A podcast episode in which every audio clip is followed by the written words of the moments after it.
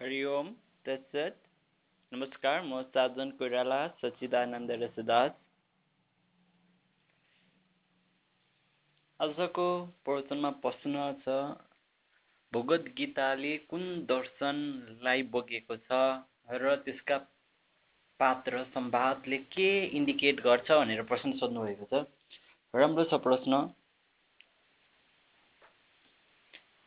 तपाईँले जुन शास्त्रहरू हेर्नुहुन्छ त्यो सबै कुनै न कुनै समयमा लेखिएका हुन्। तर त्यसमा देखाइएको पात्रता चाहिँ भने आध्यात्मिक प्रतीक स्वरूप होइन प्रतीकात्मक स्वरूपमा प्रयोग गरेको पाइन्छ। र म मैले चाहिँ हेर्दाखेरि भगवद् गीता हेर्दाखेरि एउटा जीवन देख्छु। जीवन एउटा अनन्तको पन्नाले भरिएको खाली किताब हो क्या?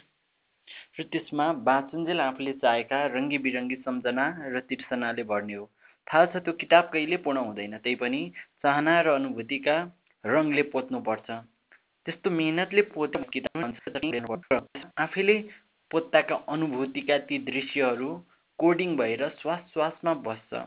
जब जीवनको त्यो अन्तिम श्वास होइन त्यो तपाईँ आफ्नो जीवनको सबैभन्दा महत्त्वपूर्ण के हुन्छ भन्नुहुन्छ भने म हुन्छु त्यो अन्तिम श्वास सबैभन्दा महत्त्वपूर्ण हुन्छ। त्यो निकै मूल्यवान छ किनकि अनन्त पानाको किताब र त्यसमा पोतिएका दृश्य यहीँ छोडे पनि पोत्तासँगै त्यसमा कुदिएका ती आनन्दका चराहरू ती उत्सवका चराहरू भने अन्तिम श्वासकै छाया बनेर जीवनको अन्तिम यात्रालाई बनाउँछन्। त्यसैले जीवनमा उत्सवलाई कहिले भुल्नु हुँदैन। के थाहा त्यो अन्तिम श्वासको के भयो होइन? जहिले पनि हुनसक्छ। र भगवत गीता पनि जीवनको कथा हो होइन? त्यही अनन्त जीवनको कथा हो र भगवत गीतामा जुन सम्वाद छ त्यो मेरो वास्तविक स्वरूप चैतन्य र मेरो जीव स्वरूप बिचको नित्य सम्वाद हो अथवा तपाईँको वास्तविक स्वरूप चैतन्य र तपाईँको जीव स्वरूप बिचको सम्वाद हो। म यस लीला संसारमा धर्म धारण गर्छु। धर्मका धारणा सत्य र तमद्वारा घेरिएको हुन्छ। हुन्छु होइन? यही धारणासहित लीला गर्न लायक पात्र नै जीव हो। तर त्यो पात्रले जति नाटक गरे पनि ऊ नाटकभन्दा पृथक छ। यसको मतलब नाटक गर्ने र नाटकभन्दा पृथक दुइटै नै सत्य हो। भगवद् गीता त्यही नाटकमा आबद्धसँग नाटकभन्दा बाहिर रहेको नाटकमा आबद्ध भएको व्यक्ति र नाटकभन्दा बाहिर रहेको दुईवटा पात्र हुन्छन्। त्यो दुइटै मै हो अथवा तपाईँ नै हो तपाईँ बिचकै सम्वाद हो। यथार्थमा यो देख्न सकिन्न होइन? तर मेरो लिलामा अथवा तपाईँको लिलामा म लिलामा पनि र लिलाभन्दा पृथक पनि छु। तपाईँ पनि लिलामा पनि र लिलाभन्दा पृथक पनि हुनुहुन्छ। अर्जुन तपाईँको लीलामा आबद्ध जीव स्वरूप हो र कृष्ण तपाईँको चैतन्य स्वरूप हो। अर्थात् अर्जुन मेरो लीलामा आबद्ध जीव स्वरूप हो र कृष्ण मेरो चैतन्य स्वरूप हो। लीलामा धर्म धारण गर गर्छु। धर्म प्राकृतिक गुणबाट बोक्छु तर म सँगसँगै पृथक पनि छ होइन? तपाईँले धर्म प्रकृतिका गुणबाट प्राप्त गर्नुहुन्छ र सँगसँगै तपाईँ त्योभन्दा नि पृथक हुनुहुन्छ। लीला एउटा महाभारत युद्ध जस्तो हो। यो लीला सागरमा कृष्ण जसरी युद्धमा तटस्थ हुनुहुन्छ उहाँले कुनैको पक्ष लिनुहुन्न जस्तै तटस्थ रहनुहुन्छ त्यो तपाईँको चैतन्यता हो। तपाईँको चैतन्यता तपाईँको वास्तविक स्वरूप त्यस्तै हो। ऊ यो भौतिक संसारमा तपाईँ जुन नाटक गरिरहनुहुन्छ त्योभन्दा पृथक छ ऊ ऊ तटस्थ छ। तर अर्जुन युद्धमा आबद्ध छ त्यो तपाईँको जीव स्वरूप हो। अर्जुन र कृष्ण दुवै तपाईँ हो। अर्जुन र कृष्ण दुवै म हुँ। मेरो जीव स्वरूप लीलामा त्यस महाभारत रूपी नाटकमा आबद्ध छ तर मेरो चैतन्य स्वरूप नाटकमै भएर पनि स्वतन्त्र छ। तपाईँको जीव स्वरूप लीलामा आबद्ध छ नाटकमा आबद्ध छ तर अर्को चैतन्यता तपाईँको वास्तविक चैतन्य स्वरूप चाहिँ नाटकमै आबद्ध भएर पनि स्वतन्त्र छ। यही नै भगवद् गीताको यथार्थ हो। जब नाटकमा जीव अतालिन्छ तब तपाईँभित्रकै चैतन्यले मार्ग निर्देशन गर्छ। होइन त्यही निर्देशन नै भगवद्गीताको पुरा अध्याय हो। होइन? जहाँ अर्जुन तपाईँको जीव स्वरूप हो। जीव स्वरूप भनेको तपाईँले चाहिँ प्राकृतिक गुण अनुरूपको धर्म धारण गरेर यहाँ विभिन्न कामहरू गर्नुहुन्छ होइन? तपाईँले कोही ब्राह्मण कोही क्षेत्री कोही वैश्य कोही शूद्र कोही ब्रह्मचारी कोही गृहस्थ कोही बाणस्पस्त कोही सन्यास होइन? अथवा केही कोही विभिन्न गुण अनुरूपको लीला गर्छ। त्यो लीला गर्ने चाहिँ जीव स्वरूप हो तर तपाईँकै वास्तविक स्वरूप चाहिँ त्यो चैतन्य कृष्ण स्वरूप हो। होइन? त्यही निर्देशन नै भगवत लीलाको पुरा अध्याय हो। लीलामा सुख र दुःख मुक्ति र बन्धन छ। ती लीला स्वरूप गुण अनुरूप हुन्छ। जीवमा सबै गुण छ तर उसको दृष्टिकोण अनुरूप उसले लीला गर्छ। यदि दृष्टिकोण जीवले आफूमा भएको दैविक गुणमा पुर्याएमा सुखी खुसी र मुक्तिको लीला गर्छ। तर त्यही दृष्टिकोण आसुरी गुणमा पुर्याएमा दुखी बन्धन र पापी अनुभूति गर्छ। तर दुवै लीला हो। यो जीवको महाभारत युद्ध हो। जितुवाहार दुवै लीला हो। यदि जितको अनुभूति गर्न चाहन्छौ भने चाहनुहुन्छ भने दृष्टिकोण आफूमा रहेको दैविक गुणमा दिनुहोस्। यो कुरा तपाईँको चैतन्यले तपाईँलाई दिएको ज्ञान हो। होइन? तर तपाईँ शुद्ध चैतन्य हो। मानिसको लक्ष्य आफ्नो चैतन्यको दर्शन र उत्साहपूर्ण जीवन दुवै हो। होइन जुन चैतन्य छ त्यो तपाईँमा भएको नित्य स्वरूप हो त्यो जन्मिँदैन पनि मर्दैन पनि। तर जीव स्वरूप भनेको चाहिँ तपाईँले लिएको गुण हो त्यो भने परिवर्तन भइरहन्छ। होइन? त्यही आधारमा तपाईँको शरीर तपाईँको विचार तपाईँको इन्टेलेक्ट बन्दै जान्छ। महाभारतको युद्ध महाभारत युद्ध र तटस्थ दुवै हो। अर्जुन र कृष्ण दुवै दुवैपन नै यथार्थ जीवनको बाटो हो। महाभारत रूपी जीवनको यथार्थ कृष्ण जस्तो तटस्थ साथसाथै आदर्शवादी मात्र होइन अर्जुन जस्तो प्राकृतिक यथार्थवादी योद्धा पनि हो। भगवद् गीतामा कृष्ण भन्नुहुन्छ मेरो शरणमा पर सर्व पापेभ्यो मोक्षस्यामी मासुच भनेर भन्नुहुन्छ। भगवद् गीतामा कृष्ण भन्नुहुन्छ मेरो शरणमा परेर युद्ध गर। यसको मतलब हो आदर्शवादी चिन्तनसँगै प्राकृतिक यथार्थवाद नै जीवन दर्शन हो। मनोविज्ञानको भाषामा उच्च अहम होइन सुपर इगो अर्थात् आदर्शवाद वा सतगुण र इदम बिचको अहमपूर्ण यात्रा नै मानव यात्रा हो। चैतन्यसँग व्यावहारिक यथार्थपरक यात्रा हो। कृष्णको चिन्तनसँगै युद्ध नै अर्जुनको कर्तव्य हो भनेर श्रीकृष्णले भने जस्तै चैतन्य रूपी दृष्टिकोणमा रहेर जीवको यात्रा नै जीवनको सार हो। तपाईँ चैतन्य हुनुहुन्छ जो युद्धमा तटस्थ छ होइन तर सँगसँगै युद्ध युद्धमा पनि होमिएको जीव स्वरूप पनि हो होइन? भनेपछि आदर्शवाद र प्राकृतिक यथार्थवाद बिचको मध्य मार्ग नै जीवनको वास्तविक फिलोसफी हो। त्यही भगवद् गीताले देखाउँछ होइन? आदर्शवादी उच्च अहमले भाँसिन दिँदैन आकाशमा उडाउँछ भने इदम रूपी मनस्थितिले धरतीमा धसाउन खोज्छ। यो अचेतन मनस्थिति हो। अर्जुन आफ्नो भसाउने मनस्थितिमा छन् र कृष्ण आकाशमा उडाउने मनस्थितिमा र कृष्णको आदेश छ कृष्ण चेतनामा रहेर युद्ध गर। आदर्शवादी उच्च अहममा रही इदमलाई अँगाल र त्यस बिचको सङ्गम इगो। त्यो त्यो चाहिँ जीवनको यथार्थ दर्शन हो। तिम्रो वास्तविक चैतन्य रूपी स्वरूपमा रहेर जीव पनि जीवन रूपी रङ्गमञ्चमा नाटक गर। नाटकबाट पनि नभाग र नाटकमै पुरै पनि नडुब कि जसले गर्दा तिमी आफ्नो चेतनशील मनस्थितिमा रहन रहन पर्छ भन्ने कुरालाई नबिर्छ यसको अर्थ हो आवश्यकतालाई हेर्नु र लीला गर्नु नै जीवको धर्म हो। भगवद् गीता र मेरो विचारमा एउटा मात्र दर्शन फिलोसफी भनेको आवश्यकतावाद हो। जुन वाद अहिलेसम्म फिलोसफीमा निस्केको छैन म यसको प्रणेता हो। आवश्यकतावादले हरेक दर्शनमा म चाहिँ आवश्यकतावाद देख्छु। आवश्यकतावाद भनेको आवश्यकतामा इच्छा पनि समाहित भएका हुन्छन् होइन? आवश्यकतामा इच्छा पनि समाहित भएका हुन्छन् र आवश्यकता इच्छा विमुख अवस्था होइन। आवश्यकता भनेको इच्छाबाट विमुख अवस्था पनि होइन तर इच्छाको सही प्रयोग भने हो। पुरा इच्छा पनि होइन र इच्छा विमुख पनि होइन यो अवस्था नै आवश्यकतावाद हो। जीव जीवको जीवनको बाद जीवनको बाद हुँदैन होइन? सत्यको कुनै बाटो हुँदैन त्यो चैतन्यको कुनै बाटो र बाध हुँदैन। त्यो विशुद्ध सत्य हो तर जीवनशैली अर्थात् जीवको बाध हुन्छ र त्यो बाध हो आवश्यकतावाद। गीताको सारांश नै आवश्यकतावाद हो। जहाँ पूर्ण चैतन्य जीव बनेर जहाँ पूर्ण चैतन्य एउटा जीव बनेर युद्ध गर्छ किनकि त्यो आवश्यकता छ। जहाँ कृष्ण र अर्जुनमा फरक छ गीतामा कृष्णले भन्नु पनि भयो पाण्डवमा अर्जुन म हुँ। होइन? कृष्ण र अर्जुनमा फरक छैन किनभने भगवान् कृष्णले हुनुहुन्छ अर्जुन र म एउटै हो भन्नुहुन्छ। तर नित्य चैतन्य स्वरूप कृष्ण हो भने लीला स्वरूप आवश्यकताको पूर्ति गर्ने कृष्ण स्वरूपको जीव स्वरूप अर्जुन हो। यो आवश्यकतावादमा भर पर्छ। युद्ध र शान्ति दुवैको छनौट आवश्यकता अनुरूप गर्नु नै आवश्यकतावाद हो।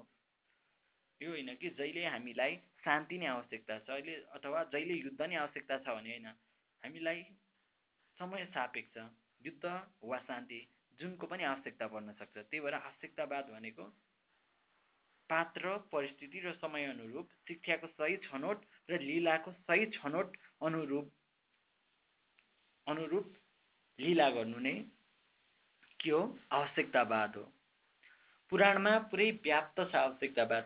चाहे विष्णु पुराण होस् चाहे श्रीमद् भागवत जहाँ भगवान् घरि माछा बन्नुहुन्छ घरि कछुवा बन्नुहुन्छ घरि नरसिंह बन्नुहुन्छ घरि बामन बन्नुहुन्छ घरि राम बन्नुहुन्छ घरि कृष्ण घरि बुद्ध एउटै पर्सनालिटी डिफ्रेन्ट एपिरेन्स किन भन्छ? माछा भन्छ घरि कछुवा किनभने आवश्यकता हो क्या? होइन? जे आवश्यकता छ त्यो बनिएको देखेको छ। त्यो सुप्रिम पर्सनालिटी अथवा त्यो चैतन्य त्यो जग्गामा भएको चैतन्य पनि विभिन्न आवश्यकता अनुरूप बन्छ भने यो आवश्यकतावादको प्रमाण हो। घरि ध्यान मग्न घरि युद्ध पिपासु यो पनि आवश्यकतावादको उदाहरण हो। भगवद् गीता मेरो चैतन्यले मेरो जीव स्वरूपलाई दिएको शिक्षा हो। हरेक हरेक शास्त्रको लक्ष्य चैतन्यको अनुभूतिसँगै लीला पनि हो। होइन? चैतन्यको अनुभूति मात्र होइन कि? चैतन्यको अनुभूति गर्नु भनेको त्यो कृष्ण पदलाई आफूमा भएको कृष्ण तत्त्व अथवा त्यो आफ्नो चैतन्य त्यो आनन्द तत्त्वलाई बुझ्नु हो। तर यो बुझ्दैमा अब यो भौतिक जगतमा केही नगर्ने न पुरा लीलामा आसक्ति हुने हो। होइन? आदर्शवादी सँगसँगै यथार्थवादी प्रकृतिवाद हो क्या? तर हरेक शास्त्रको आदर्शवादको लक्ष्य सम्पूर्णलाई जोड्नु भए पनि विस्तारवादको मुकुण्डो पुगेको छ। हाम्रा शास्त्रले आर्य समाजलाई विस्तार गरेको छ र अरूलाई भत्काएको छ। राज्य विस्तारको रणनीति शास्त्रबाट गरिएको छ। होइन? मुस्लिम राज्यको विस्तार कुरान र कुरानको जीवनशैलीले गरौँ आर्यले आर्यको पुराणले र त्यसको संस्कृतिले आर्य समाजको विस्तारवाद गरेको छ। अरूलाई भत्काएर जोड्न खोज्नु शास्त्रभित्रको विस्तारवाद हो। शस्त्रले लडेर नजितेको राज्य शास्त्र र संस्कृतिबाट जितिन्छ। हिजो र आज पनि यो हतियार प्रयोग हुन्छ। यो आवश्यकतावादभित्रको कुबाटो हो। यो पनि आवश्यकतावादै हो तर यसभित्रको कुबाटो हो। यसले विश्व एकता गर्ने भन्दा अन्यल बनाउन सक्छ तर राज्य विस्तारमा यसले ठुलो खेल खेल्छ। ब्रेन वास भनिन्छ नि होइन? ब्रेन वास गर्ने र राज्यको भोग गर्ने क्षमता शास्त्रले भोग्छ। अहिले हामी तपाईँ हामीले चाहे त्यो द्वादश ज्योतिर्लिङ्ग चाहे फिलोसफी अथवा आर्य संस्कृति हामी एउटा त्यस त्यसको ब्रेन वास भइसकेको छौँ नि त होइन? होइन त्यसको विस्तारवादलाई हामीले स्वीकार गरेका छौँ र हामीले सँगसँगैमा किराँती सभ्यता होइन? ती सभ्यताहरूलाई चाहिँ हामीले रोकेका छौँ नि त होइन?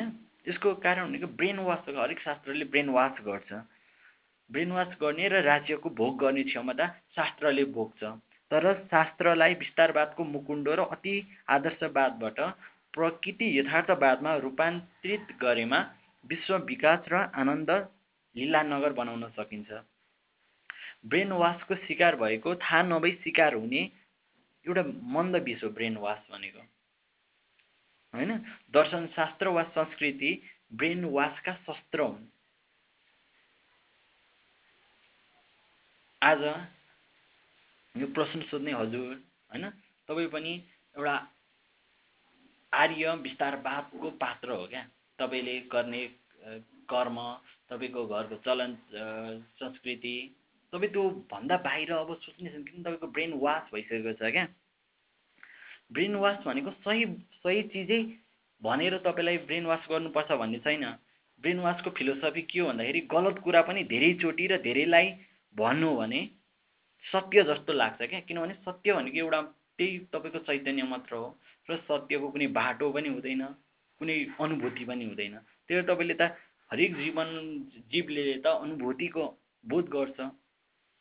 होइन त्यही कारणले सब ब्रेन वासको फिलोसफीमा आबद्ध छ क्या। अहिले तपाईँ कुनै न कुनै कसैको ब्रेन वासको पात्र हो तपाईँ। चाहे त्यो कम्युनिजमको चाहे क्यापिटलिजमको चाहे कुनै दर्शनशास्त्रको होइन? कसै कुनै न कुनै देशको विस्तारवाद अथवा कुनै पनि समाजको विस्तारवादको ब्रेन वासको पात्र बनिरहनु भएको छ तपाईँ। होइन? जब गलत कुरा पनि धेरैचोटि र धेरैलाई भन्ने गरेमा सत्य जस्तो बनाएर मानसिक अतिक्रमण गर्न सकिन्छ त्यसलाई ब्रेन वास भनिन्छ क्या। यो आजको फिलोसफीको मेन पोइन्टै हो। किनभने हरेक शास्त्र हरेक शिक्षा सिस्टम संस्कृति त्यसमा ब्रेन वास हुन्छ क्या। तपाईँले सही चिज चाहिँ भन्नुपर्छ भने चाहिँ तपाईँलाई गलत कुरै पन्ध्र बिसचोटि भनियो भने अथवा तपाईँलाई गलत चिजै पन्ध्र बिसचोटि भन्ने र धेरैलाई भन्ने हो भने तपाईँ त्यही गलतलाई पनि सही जस्तो लाग्छ क्या। किनभने यो तपाईँको ब्रेनभित्रको एउटा सिस्टम हो कि कसरी ह्याक गर्ने भन्ने कुरो ब्रेन वास गर्न सकिन्छ क्या। गलत कुरालाई पनि धेरैचोटि भनेर होइन धेरैचोटि भनेर धेरैचोटि त्यसको कुरा गरेर त्यही हो जस्तो बनाउन खोजिन्छ। त्यो भएर आज तपाईँले जे हो जस्तो लाग्छ। त्यो कसै न कसैको तपाईँको ब्रेन वास तपाईँले त्यसले तपाईँको ब्रेन वास गरेको छ। र अहिले नेपालको सिस्टम हेर्ने भने होइन मानसिक अतिक्रमण भनिन्छ त्यसलाई। मानसिक अतिक्रमण आजको युगको हतियार हो। हिजोको पनि थियो। नेपाली समाज पनि आर्य संस्कृति र दर्शनको ब्रेन वासको शिकार बनेको छ। र भन्दै आइरहेको छ होइन हामीले चाहे मनाउने संस्कृतिहरू हुन् होइन चाहे हामीले गर्ने क्रियाकलापहरू हुन्। होइन? किनभने त्यो कुनै न कुनै फिलोसफीमा आधार छ र फिलोसफीले हामीलाई ब्रेन वासैको टेक्निक दिने हो क्या। त्यसमा त्यो एउटै कुरा तपाईँलाई सुनिसकेपछि आज तपाईँलाई नर्क अथवा स्वर्ग छ जस्तो लाग्छ नि त। किनभने त्यो चिज तपाईँले सुन्दा सुन्दा यति सुन्नुभयो कि हो जस्तो लाग्छ। होइन? तपाईँले भगवान्को जन्म लीला पनि यति सुन्नुभयो हो जस्तो लाग्छ। होइन त्यो धर्मशास्त्रको मात्र कुरो होइन चाहे तपाईँ कम्युनिजममा पनि एउटै कम्युनिजम विचारधारा सुन्दा सुन्दा मान्छे मान्छे मार्न पनि तयार हुन्छ नि त। देख्नुभएको छैन? कम्युनिजम विचारधारामा मान्छे युद्ध गर्न तयार हुन्छ आफू मर्न पनि तयार हुन्छ मार्न पनि तयार हुन्छ। अनि उसको ब्रेन वास कसरी गरिन्छ? किनभने यो हरेक विस्तारवादको गुदी हो क्या ब्रेन वास हरेक दर्शनमा हुन्छ हरेक दर्शन शास्त्रमा ब्रेन वास हुन्छ। किनभने आजको आज मात्र होइन हिजोदेखि नै विस्तारवाद गर्दाखेरि जुन चिज शस्त्रले लडेर जित्न सकिँदैन त्यो शास्त्र र संस्कृतिद्वारा ब्रेन वास गरेर गर्न सकिन्थ्यो क्या। त्यही कारणले अहिले मुस्लिम सम्प्र सम्प्रदाय मुस्लिम कन्ट्रीहरू बनिसकेको छ होइन? आर्य संस्कृति पनि अहिले फैलिरहेछ। होइन? तर नेपालले चाहिँ के गर्यो भन्दा नेपालमा आवश्यकता भा आवश्यक छ क्या। हिजो हिजो कुनै पनि हिजोदेखि नै मान्छेमा स्ट्रगल छ क्या। दुईवटा समुदाय अथवा दुईवटा प्रजाति अथवा दुईवटा विस्तारवाद होइन? बिच जहिले पनि स्ट्रगल छ हाम्रो सोसाइटीमा समाज भनेकै स्ट्रगल हो क्या। त्यहाँ एउटै मात्र प्रजाति हुँदैन क्या। त्यहाँ विभिन्न किसिमको प्रजाति हुनसक्छ विभिन्न किसिमका समाज हुनसक्छ। हिजो नेपालमा आर्य आर्य समाज ल्याएर यहाँ विस्तारवाद गऱ्यो होइन? यहाँ जित्यो यहाँको राजालाई त्यही फिलोसफी बोकायो होइन? अनि त्यहाँ पछाडि त्यहाँ पछाडि यहाँ रहिरहेको किराँत किराँतवाद थियो जुन किराँत सभ्यता किराँत संस्कृति त्यसलाई चाहिँ लुकाइयो। त्यही कारणले त अहिले पनि तपाईँले टिका लगाएको हेर्दा पनि अरूले रातो टिका लगाइरहन्छ किराँतले मान्नेहरूले सेतो लगाइरहन्छ किन भन्दाखेरि त्यो त्यो भनेको आर्य समाजले पुरै दबाएको छ होइन? किराँत समाजले उत्पन्न गर्ने रक्सी होइन? त्यो चाहिँ गलतै हो। त्यसले चाहिँ नर्क लान्छ अथवा उनीहरूको प्रकृतिवाद हुन्छन् होइन? तपाईँले बिपी कोइरालाको सुम्निमा पनि पढ्नुभयो होला। सुम्निमामा यो चिज देखाउन खोजिएको छ नि त होइन? जसरी सुम्निमा चाहिँ एउटा प्रकृतिवाद यथार्थवादमा छ भने जहाँ जहाँ देवदत्त होला होइन? देवदत्त ब्राह्मण चाहिँ आर्य संस्कृतिमा आबद्ध छ अनि आर्य संस्कृति कसरी हाबी भएको थियो र कसरी गरिरहेछ काम भन्ने कुरो देखाउँछ क्या? आजको हाम्रो नेपाली समाज विकास नहुनुको प्रमुख कारण भनेको आवश्यकतावाद हो। अब हामीले यसको अर्थ आर्यवादलाई नै हटाएर पनि हुँदैन होइन? किनभने त्यो अब हाम्रो ब्रेन वास गरिसकेको छ अहिले तपाईँमा ममा सबैमा त्यो बात कतै न कतै छिरिसकेको छ होइन? त्यही भएर नेपालको आवश्यकतावाद भनेको किराँत र आर्यको मध्य मार्ग बोकेर बौद्ध संस्कृति किनभने बौद्ध संस्कृति फैलिसकेको छ भने त्यो बौद्ध संस्कृति फैलिसकेको छ भने त्यो बौद्ध संस्कृतिको माध्यमद्वारा त्यो हाम्रो बनाउने हो क्या? कुनै पनि सभ्यता यदि फैलिएको छ भने त्यो आफ्नो बनाउनुपर्छ क्या? विस्तारवादको ब्रान्ड चाहिन्छ क्या? होइन? ब्रान्ड। जस्तै अब इन्डियाले चाहिँ आफ्नो आर्य संस्कृतिलाई देखाएर होइन? हिन्दू फिलोसफीलाई देखाएर ब्रान्ड गर्छ नि जुन जुन देशमा फैलिएको छ आफ्नो हो जस्तो अनुभूति गर्छ। होइन? मुस्लिमले पनि त्यस्तै गरेको छ क्रिस्चियन फिलोसफीले पनि त्यस्तै गर्छ कम्युनिजमले पनि त्यस्तै गरेको छ रुसबाट निक्ल्यो जुन देशमा कम्युनिजम छ उसलाई लाग्छ कि यो सम्पूर्ण देश मेरै हो। त्यो बिस्ता उसको फिलोसफी हो क्या? त्यही नेपालले पनि आफ्नो फिलोसफी बनाउनुपर्छ। नेपालको फिलोसफी भनेको आवश्यकतावाद हुनुपर्छ जहाँ चाहिँ किराँत र आर्यको मध्य मार्ग किनभने किराँत किराँत भनेको यथार्थ प्रतिवाद हो आर्य भनेको होइन आदर्शवाद हो होइन? किराँत भनेको यथार्थ प्रतिवाद हो आर्य भनेको आदर्शवाद हो। आदर्शवादले जहिले पनि उच्च उच्च उच्चमा लान्छ विकास चाहिँ गर्दैन क्या। यसले चाहिँ नैतिक रूपमा चाहिँ पतन हुन दिँदैन तर विकास गर्न दिँदैन। र यथार्थ प्रतिवादले चाहिँ विकास गर्छ तर स्पिरिचुअलिटी आध्यात्मिक बनाउँदैन। भनेपछि यो दुई भनेको किराँतवाद भनेको इदम हो क्या? इदम हो भने आर्यवाद भनेको उच्च अहम हो होइन? इदम र उच्च अहम बिचको अहम भन्छ नि इगो। त्यो नै आजको आवश्यकता हो क्या मध्य मार्ग होइन? त्यही भएर किराँत र आर्य आद्य आर्य मध्य मार्गलाई चाहिँ युज गरेर त्यसलाई चाहिँ के हो भने त्यस विकास होइन? किराँत र आर्य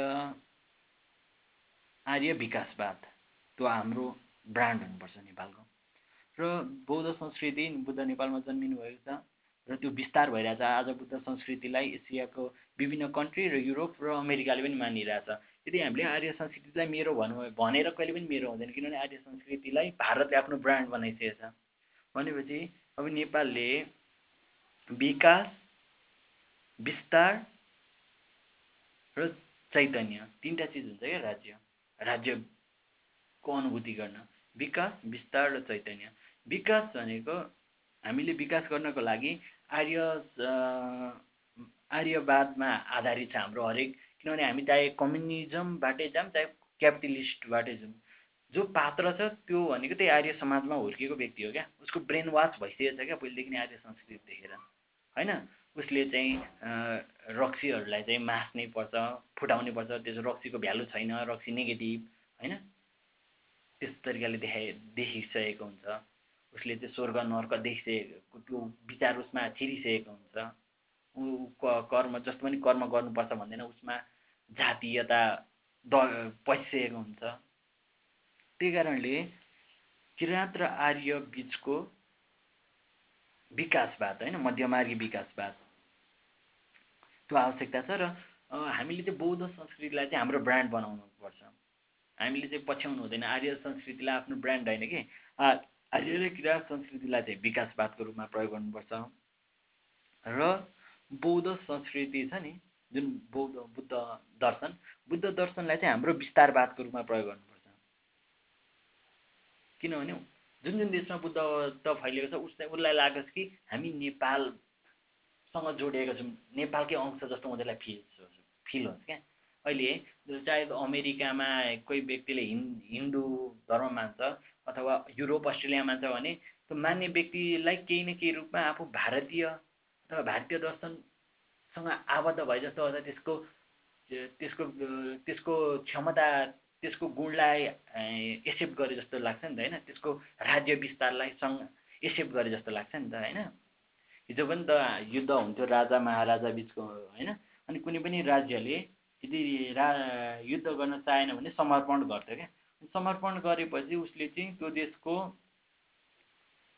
विस्तारवाद फिलोसफी भनेको त्यो कुन समाज हो? आर्य समाज हो। त्यसको आर्य समाज र संस्कृतिलाई एक्सेप्ट गर्थ्यो। एक्सेप्ट गरेपछि उसले युद्ध गर्दैनथ्यो तर ऊ स्वाभाविक रूपमा उसको विस्तारवादभित्र पर्थ्यो क्या। होइन? त्यही भएर आज पनि त्यही चिज भइरहेछ। त्यही भएर हामी नेपालले चाहिँ हामी चाहिँ आफूलाई जोगाउन मात्र खोज्ने भने कहिले पनि जोगिँदैन। हाम्रो एउटा दर्शन हुनुपर्छ।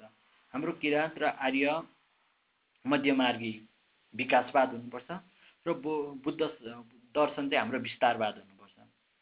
किनभने बुद्ध नेपालमा जन्मेको यही चिजलाई ल्याएर जहाँ जहाँ बुद्ध त फैलिएको छ उनीहरूलाई चाहिँ यस्तो भान होस् कि यार हामी नेपालको अंश हौँ जस्तो लाग्न सक्नुपर्छ। हाम्रो विस्तारवादको सूत्र हुनुपर्छ। र ब्रेन वास त सबैले गर्छ। हामीले पनि यो फिलोसफीलाई युज गरेर ब्रेन वास गर्नुपर्छ। ब्रेन वासबाट आफू चाहिँ बच्नुपर्छ र आवश्यकतावादलाई चाहिँ हामीले ब्रेन वासको सूत्र बनाएर प्रयोग गर्नुपर्छ। उच्च अहमबाट विकास हुन सक्दैन र इदमबाट अध्यात्म जागृत हुँदैन। त्यसैले मध्यमार्गी आवश्यकतावाद नै विश्व शान्ति र नेपालको चाहिँ पछिसम्म आफ्नो औचित्य जोगाउनको लागि चाहिँ आवश्यकतावाद एकदम आवश्यकता छ। होइन? र अहिले तपाईँले जति चिज पढ्नुहुन्छ होइन त्यो तपाईँले पढ्ने किताबहरू कुनै न कुनै बादमा आवश्यकता हुन्छ कसै न कसैको ब्रेन वास हो क्या त्यो। बिना ब्रेन वास हुँदै हुँदैन होइन निस्किँदै निस्किँदैन। जस्तै तपाईँ अहिले कुनै फिलोसफीहरू पश्चिमी दर्शनको पढ्नु भने पश्चिमी दर्शनप्रति तपाईँ एक्सेप्टेबल हुनुहुन्छ होइन? पूर्वीय दर्शन पढ्नु भने पूर्वीयतिर हुनुहुन्छ होइन? अब नेपाली दर्शन पढ्नु भने नेपालतिर हुनुहुन्छ इन्डियन दर्शन पढ्नु भने इन्डियातिर हुनु सक्नुहुन्छ। तर नेपालको ब्रान्ड भनेको बुद्ध दर्शन हो यसलाई नै हामीले विस्तारवादको रूपमा प्रयोग गर्नुपर्छ। र हिजोदेखि नै होइन लिच्छवी कालमा पनि त बुद्ध बुद्ध र हिन्दू दुइटैलाई एक्सेप्ट गरिएको थियो नि त। त्यही कारणले आज पनि हामीले आर्य संस्कृति र किराँत संस्कृति दुइटैलाई चाहिँ युज गरेर विकासवाद गर्नुपर्छ। आजसम्म चाहिँ हामीले चाहिँ नेपालको सोसाइटीमा चाहिँ आर्य संस्कृति चाहिँ हाबी भएको छ र अरू जुन किराँत संस्कृतिहरू चाहिँ तल परेको छ जसले गर्दा उनीहरूको आफ्नो सभ्यता र विकासहरू चाहिँ हुन सकेको छैन क्या। किनभने आर्य संस्कृतिमा गाँजा वर्जित छ होइन? रक्सी वर्जित छ होइन? आदर्शको कुरा छ नि त। तर किराँत संस्कृतिमा भनेको यथार्थ र प्रकृति छ। त्यो विकासको लागि किराँत सभ्यतालाई एक्सेप्ट गर्न अति आवश्यकता छ। तर हामीमा पहिलेदेखि नै हाम्रो नेतृत्वमा हाम्रो समाजमा चाहिँ पहिलेदेखि आर्यवादको ब्रेन वास फिलोसफी युज भइसकेको छ। त्यही भएर हामी त्यो चिजलाई एक्सेप्ट गर्नै सक्दैनौँ क्या। अहिले मैले नि पढ्दा मै पनि सकिरहेको सक्दिनँ क्या। किनभने म पनि आर्य समाजमै हुर्केको नि त। तर त्यसको लागि चाहिँ किराँत संस्कृति र आर्य संस्कृतिको मध्यमार्ग अति आवश्यकता छ। जसले चाहिँ हामीलाई आदर्शवाद र प्राक प्राकृतिक यथार्थवाद दुईवटा बिचको मध्यबिन्दुले चाहिँ देशको विकास गर्छ। त्यही भएर आर्य किराँत विकासवाद बुद्ध दर्शन विस्तारवाद र आध्यात्मिक समाजवाद नेपालको फिलोसफी हुनु जरुरी छ। त्यो दर्शनको चाहिँ नेपालमा आवश्यकता छ। नेपालको पछिसम्मको भविष्यको लागि। होइन? र तर जुन भगवत गीता पनि आर्य समाजबाटै आएको होइन? आर्य समाजबाटै आएको यो ब्रेन वासै हो हुन चाहिँ। तर त्यो भित्र पनि जुन किसिमको एउटा चैतन्य त देखाएको छ त्यो भने सत्य छ। होइन? जस्तै तपाईँले फिलोसफी त कहीँबाट आयो भने तपाईँ त सत्य हो नि त तपाईँ त एक्जिस्ट हुनुहुन्छ नि त होइन? जस्तै आमाको पेटमा रहँदाखेरि तपाईँ केही खानुभएको थियो हुर्किनु भएको थियो चालनाल थियो सास फेर्नु थियो त्यो त कसैको विस्तारवादभित्रको कुरो होइन नि त। त्यो त रियालिटी त छ छ नि त होइन?